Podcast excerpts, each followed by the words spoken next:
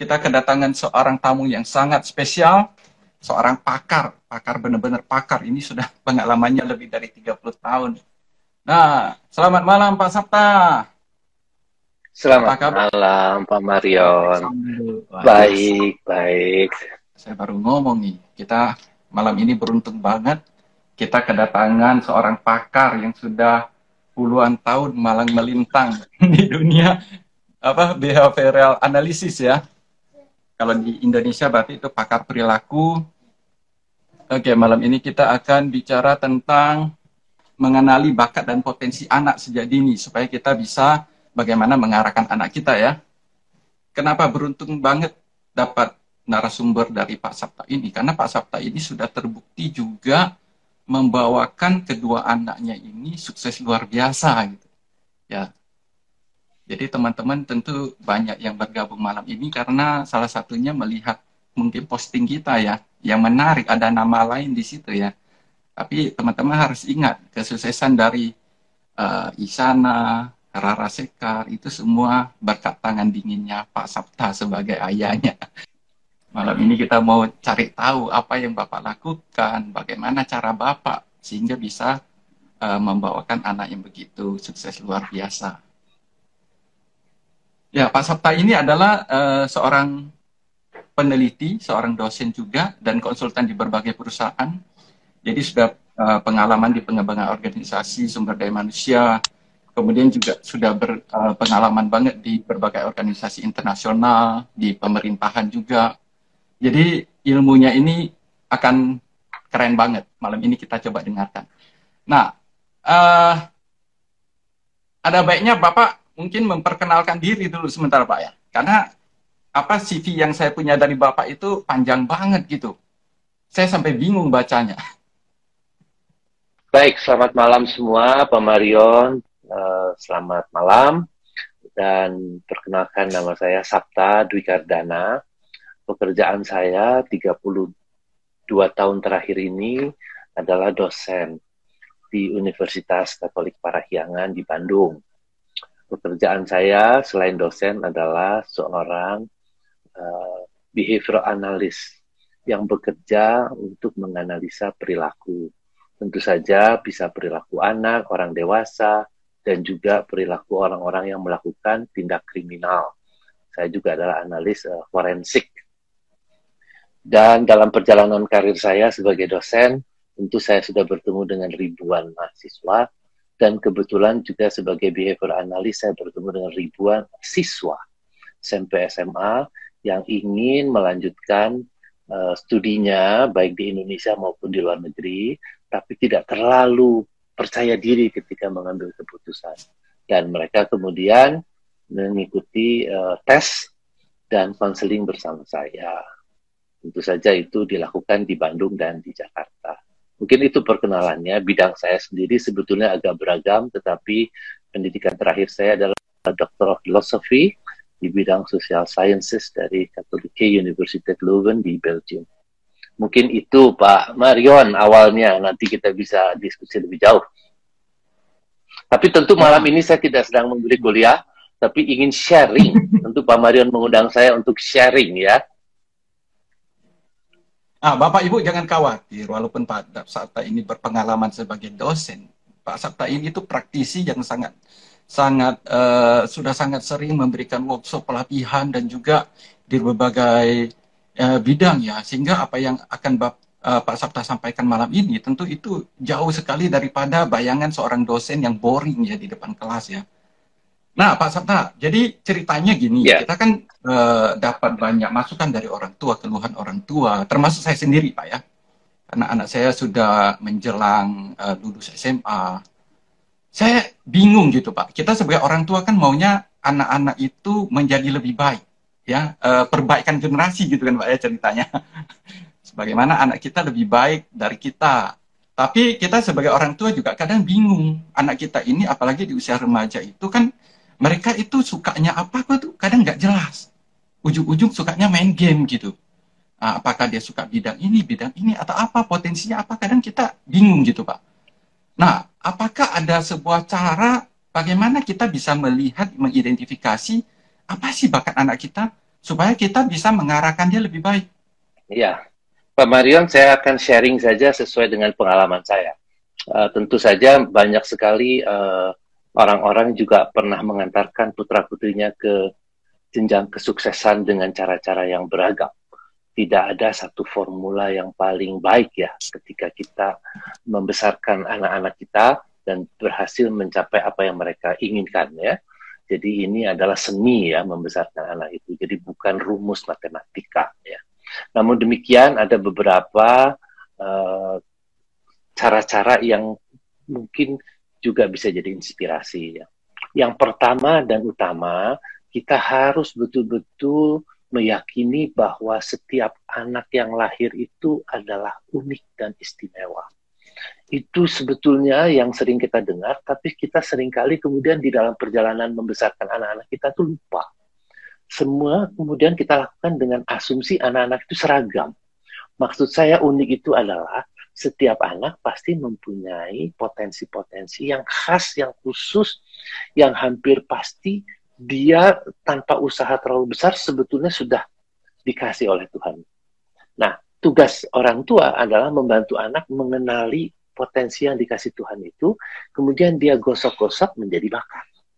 Jadi bakat itu Benar. sebetulnya adalah potensi yang sudah diberikan oleh Tuhan, temu kenali, gosok sedikit, nginclong, jadi bakat. Pertanyaannya kemudian, Papa, betul itu teorinya betul kita sudah sering dengar, tapi cara gimana menemukan itu potensi supaya kita gosok sedikit jadi nginclong?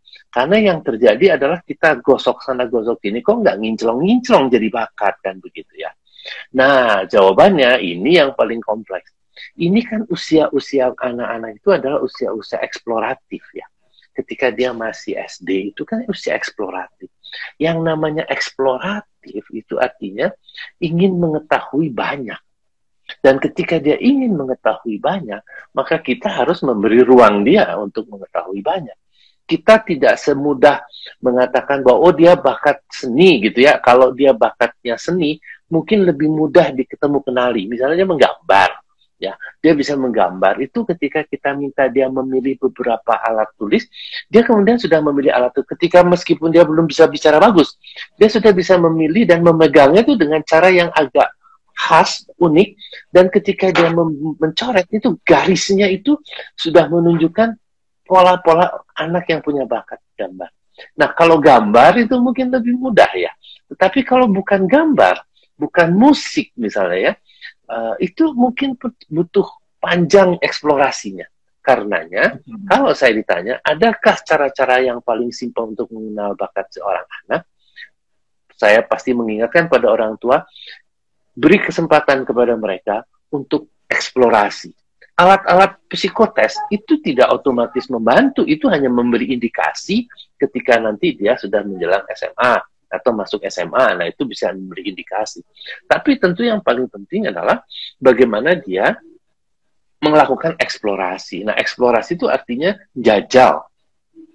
Nah, ketika menjajal, kita sering kali sebagai orang tua, kami lah paling ya, sebagai orang tua, kadang-kadang digoda untuk tidak sabar kamu bosenan. Nah, itu kan. Itu sudah langsung memberi sugesti negatif kan. Padahal mungkin misalnya belajar musik ya. Belajar musik piano. Kemudian kita mendengar kabar ada guru yang bagus, kita sekolahkan anak itu sekolah kursus piano. Padahal memang anak itu kepingin piano. Berarti kan sudah sesuai antara minat dan orang tua yang siap menyekolahkan anaknya ke piano. Anaknya disekolahkan sama guru yang tadi bagus. Tetapi guru tersebut ternyata adalah guru piano klasik. Kalau kita belajar piano klasik, itu belajar pianonya betul-betul berdasarkan teori step by step yang untuk bisa satu lagu itu butuh waktu yang lama. Betul. Kalau anak itu, anak itu tipenya adalah tipe compliance, kita tahu profil anak kita, maka mungkin dia akan menikmati step by step seperti itu. Tetapi kalau dia adalah tipe yang zigzag, potong jalan seperti itu, dia tidak akan teguh mengikuti prosedur yang diajarkan. Dia butuh sekolah musik yang polanya adalah jazz. Jazz itu lebih ke improvisasi ya, blue notes itu ya, skor-skornya itu agak miring-miring dan dia lebih suka seperti itu. Nah, orang tua ketika mengirimkan anaknya ke sekolah atau guru klasik, kemudian anaknya setelah dua tiga kali pertemuan dia mogok, marah atau orang tua, tanduknya keluar 2 meter, matanya keluar 2 meter juga gitu kan. Udah dibeliin piano, kamu malah begini begitu. Kita tidak cukup sabar menemani dia eksplorasi Bukan berarti dia tidak bagus pianonya, bukan berarti dia bosenan, tapi kita tidak kenal profil anak kita. Nah, jadi ketika kita memberikan ruang kepada anak-anak eksplorasi, tolong diobservasi anak itu. Ada anak dengan pola-pola atau profil-profil yang berbeda dengan yang lain. Nah, profil itulah yang nanti akan menentukan gaya dia lakukan eksplorasi. Mungkin itu start awal dulu ya. Nanti Pak Marian bisa uh, bertanya lebih jauh. Tapi apa yang saya lakukan persis seperti yang saya ceritakan. Ketika saya membesarkan anak saya ketika dia masih TK, saya kan tidak tahu dia akan menjadi apa. Ya, tidak tahu mau menjadi apa. Yang saya tahu bahwa saya punya kewajiban sebagai orang tua adalah selain membesarkan profesi saya juga membesarkan anak-anak saya. Tapi saya juga percaya betul anak-anak saya pasti satu dengan yang lain punya keunikan yang berbeda. Dan karenanya tidak mungkin treatment saya sama pada anak itu. Nah, observasilah profil si anak. Ternyata saya punya anak dua. Uh, yang pertama namanya Rara Sekar, yang kedua namanya Isyana Saraswati. Nah, secara cepat diobservasi, Rara Sekar itu mempunyai kalau kita menggunakan istilah yang paling gampang, kecerdasan majemuk, itu mempunyai kecerdasan namanya interpersonal intelligence. Jadi kecerdasan interpersonal. Maksudnya apa? Kecerdasan kemampuan dia membangun hubungan dengan orang lain. Salah satu contoh. Gampang kan? Bagaimana mengobservasinya kan kelihatan dari bahasa tubuhnya juga. Dia selalu kalau ada orang baru bukannya takut tetapi mendekat. Ketika diajak ke tempat-tempat atau komunitas-komunitas dia tertarik untuk mencoba hal baru, berorientasi keluar rumah. Itu kan kelihatan. Tidak perlu pakai tes-tesan dulu. Kita sebagai orang tua harus lebih paham tentang anak. Oh, jadi dia punya kecerdasan interpersonal. Kalau anak dengan kecerdasan interpersonal itu mau kita kuatkan, tumbuhkan dengan hebat, siapkan alat-alat perangnya sebagai anak dengan kecerdasan interpersonal tadi. Apa alat-alat perang yang paling penting di dalam menjalani keinterpersonalan dia? Satu dan utama adalah communication skill. Kenapa? Karena dia memang tukang BACOT kan? No, di anak interpersonal butuhnya wah wah wah. Nah, lengkapi dia dengan apa? Dengan kemampuan berkomunikasi. Antara lain yang terpenting adalah bahasa. Kenapa? Karena dia selalu akan digoda untuk keluar dan mencari orang. Udah itu hukumnya. Setelah communication skill, kasih dia kesempatan untuk belajar bahasa asing, belajar tentang uh, lingkungan, lingkungan hidup, sesuatu yang di luar diri dia. Yang kedua, mindset kita ketika kita melihat anak kita punya interpersonal intelligence, itu betul-betul haram hukumnya kalau kita sebagai orang tua terlalu overprotective. Dan kemudian kita paranoid, anak kita tidak boleh ke mana-mana, anak kita tidak boleh mencoba hal-hal baru, selalu diawasi, selalu uh, diperlakukan seperti uh, anak raja yang uh, apa, steril dari lingkungan sosial, padahal dia punya kecerdasan interpersonal. Kita kalau melakukan itu, kita sedang ngebonsai. Bonsai itu pohon tumbuh bagus, tapi kecil dan tidak alamiah. Gitu. Nah, ketika punya yang orang atau anak dengan kecerdasan interpersonal itu dorong keluar.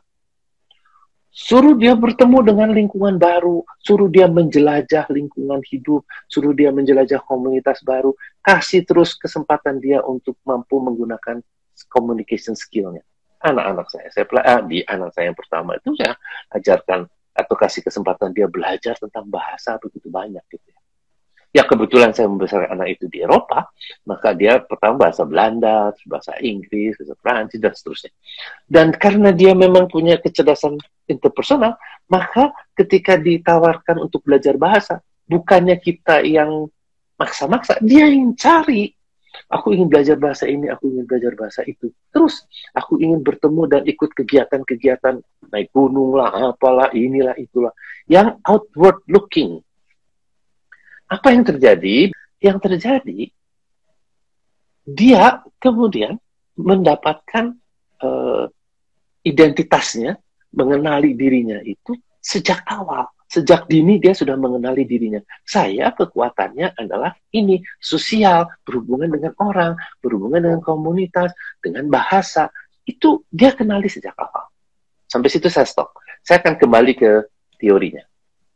Yang terjadi di sebagian besar anak-anak siswa dan mahasiswa. 45% mahasiswa mengatakan salah jurusan loh di Indonesia. Jangan main-main itu. Dan lebih dari 80% anak-anak milenial yang lahir tahun 96 ke sini, itu ketika harus memilih program studi, 95% bingung. Tidak terlalu yakin. Pertanyaannya kembali ke cerita saya tadi, kenapa? Jawabannya sih sederhana sekali. Karena sebagian besar kita sebagai orang tua tidak pernah memberi kesempatan pada dia untuk berkenalan dengan dirinya. Maksudnya gimana, Pak? Maksudnya begini, saya suka bicara sama anak-anak gitu ya.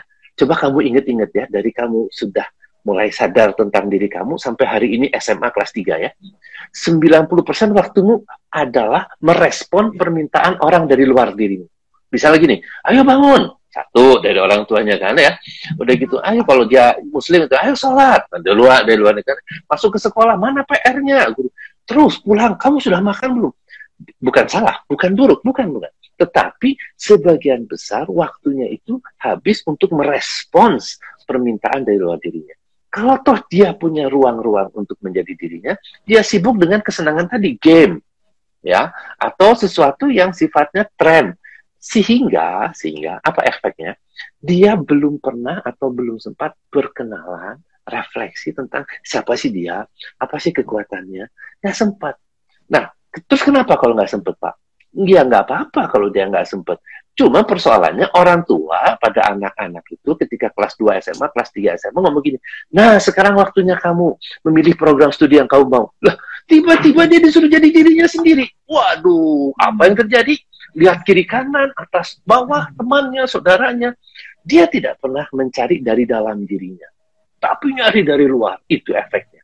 Nah, jadi menurut pesan ya saya berikan pada anak-anak itu adalah kenali dirimu dulu, baru lihat menunya apa di luar itu. Oh, ada sekolah hmm. ini. Sekolah. Bukan cari menu dulu, tapi dia nggak kenal dirinya siapa. Itu yang menjadi tersesat di jalan. Artinya 45% mengatakan saya salah program studi, saya salah jurusan. Waktu dulu kamu milih jurusan kenapa? Ya karena saya kira hubungan internasional itu pariwisata. Mampus lah gitu ya. karena saya kira itu. Jadi banyak sekali faktor-faktor yang mendorong dia memilih kata-kata yang paling sederhana adalah mereka memilih lebih banyak karena faktor di luar diri, bukan ikut teman. di dalam diri. Nah, kalau ikut teman, ikut tren, ikut film, coba. Jadi sesuatu yang di luar bukan tidak boleh, bukan salah. Tapi apakah itu sesuai nggak dengan tadi yang saya bilang potensi yang sudah diberikan Tuhan itu? Kalau sesuai ya bagus, tapi kalau nggak sesuai itu tadi 45% sudah digampang merasa salah program studi itu ceritanya. Nanti kita perlu mungkin itu reaksi pertama. Profil ya, ya, mengenal profil anak kita juga supaya kita bisa uh, tahu kira-kira anak kita ini tipe apa ya. Apakah bisa di push atau harus diajak alon-alon atau bisa di uh, harus santai-santai atau gimana gitu ya. Nah, ya, profil, Bapak betul, jelaskan betul. tadi itu uh, sangat luar biasa ya bahwa kita saya tangkap beberapa kata kunci di situ. Selain mengenal profil, kita juga mesti sabar dan kasih ruang untuk anak kita itu menunjukkan dirinya sehingga kita juga bisa lebih gampang melihat ya Pak ya. Kita bisa dengan gampang melihat uh, apa sih potensi pada anak kita itu ya. Nah, kalau kalau semisalnya nih Pak, yang yang saya temukan atau kita banyak orang tua temukan, terkadang anak kita ini tidak punya bakat yang terlalu menonjol. Dan masalah itu tadi, kita kan tidak sabar terkadang ya untuk untuk menunggu anak itu menunjukkan dirinya seperti apa. Sedangkan waktu sudah mepet, anak saya sudah mau kuliah, sudah mau pilih jurusan. ya, ya. Apa ya itu pertanyaan yang penting ya. Ya, pertanyaan penting pertama adalah kita dengan berani mengatakan anak kita bakatnya tidak ada atau kurang kurang menonjol. Uh, menurut saya itu uh, sebaiknya kalau toh ada di dalam pikiran kita jangan pernah disampaikan kepada anak kita ya. Karena tidak begitu cara bekerja Tuhan sih menurut pendapat saya. Hmm. Tuhan tidak, tidak adil ya menurut saya ya. Sebetulnya semua orang diberi, beri potensi yang sama ya. Karena itu Tuhan menciptakan manusia tidak ada yang sama di muka bumi ini. Hmm. Semua orang itu berbeda. Artinya apa? Unik. Berbeda kan unik. Unik itu artinya apa? Artinya adalah eksklusif. Eksklusif itu sama dengan ekspensif. Artinya hmm. apa? Kalau pakai teori ekonomi kan sudah jelas ya bahwa hmm. semakin langka semakin mahal. Tuhan tahu urusan itu, makanya semua orang dibuat tidak ada yang sama. Artinya semua manusia langka kan? Tinggal kalau dia tahu dia langka, maka tugas dia adalah kalau dalam bahasa ekonomi mengkonversi modal ke apa apa namanya eh, potensi kelangkaan dia menjadi modal. Jadi mengkonversi bakat jadi modal. Sebenarnya itu. Hmm. Nah, persoalannya ketika ada kata-kata anak saya kurang berbakat, bakatnya tidak terlalu menonjol. Kelihatannya bertahun-tahun dia menggosok-gosok bukan potensi dia, tapi potensi orang lain, potensi tetangganya, potensi kakaknya, potensi ibunya. Makanya kemudian nampak tidak menonjol karena bukan potensi dia yang dia gosok. Kalau itu potensi dia dan keunikan dia, ya percayalah Tuhan itu adil, pasti nginclong